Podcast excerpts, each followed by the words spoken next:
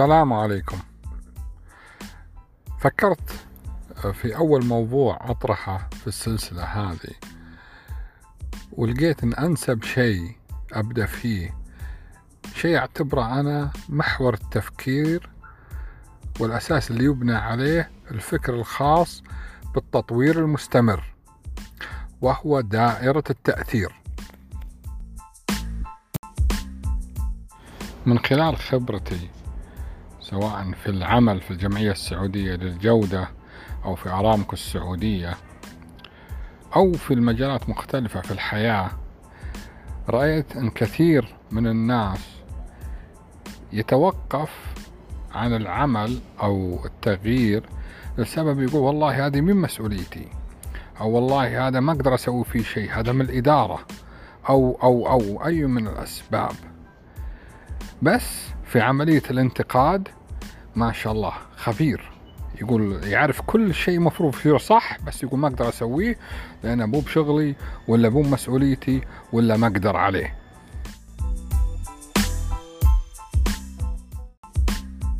هنا لازم نوضح إن في فكر اسمه دائرة التأثير اللي هو وش يقصد به؟ يقصد به هنا أنا أقدر أثر في إيش؟ يعني كل إنسان موجود له نطاق أو له مجال للتاثير كمثال أنا والله مؤثر في شغلي أنا مثلا المدير ولا أنا مؤثر في شغلي أنا الموظف أنا أقدر اثر في الشغلات اللي خاصة بي كيف أستقبل كيف أستقبل الناس أستقبل المعاملات أستقبل الأوراق كيف أنظم الشغلات هذه. أنا والله مؤثر في بيتي.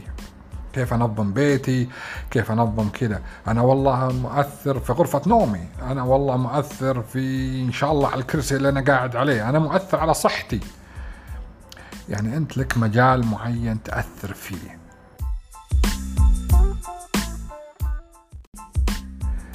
لذلك كفكر خاص بالتطوير المستمر يقول لك ركز على مجال تأثيرك. في نقطتين. واحد تحسين كل يوم تحسن فيه.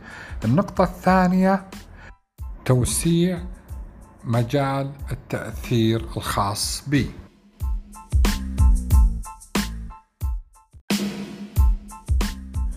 وأنا كممارس للجودة علي أني أركز على الشغلة اللي أقدر أثر فيها.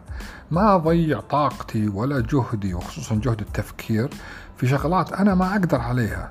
كمثال أنا ماني قاعد أتذمر على المطر. ليه الله أمطرت الدنيا؟ والله ما أقدر أسوي شيء يعني مطر. لا أنا أركز على وش أقدر أسوي لما أمطرت الدنيا. هل أحط مظلة؟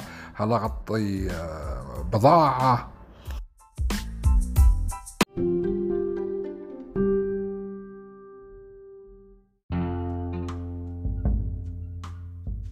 خلاصة الموضوع على من يقوم بالتطوير المستمر أو ممارس الجودة أن يتعرف على دائرة تأثيره ويسعى من خلالها إلى التغيير ثم يقوم بتوسيع دائرة تأثيره.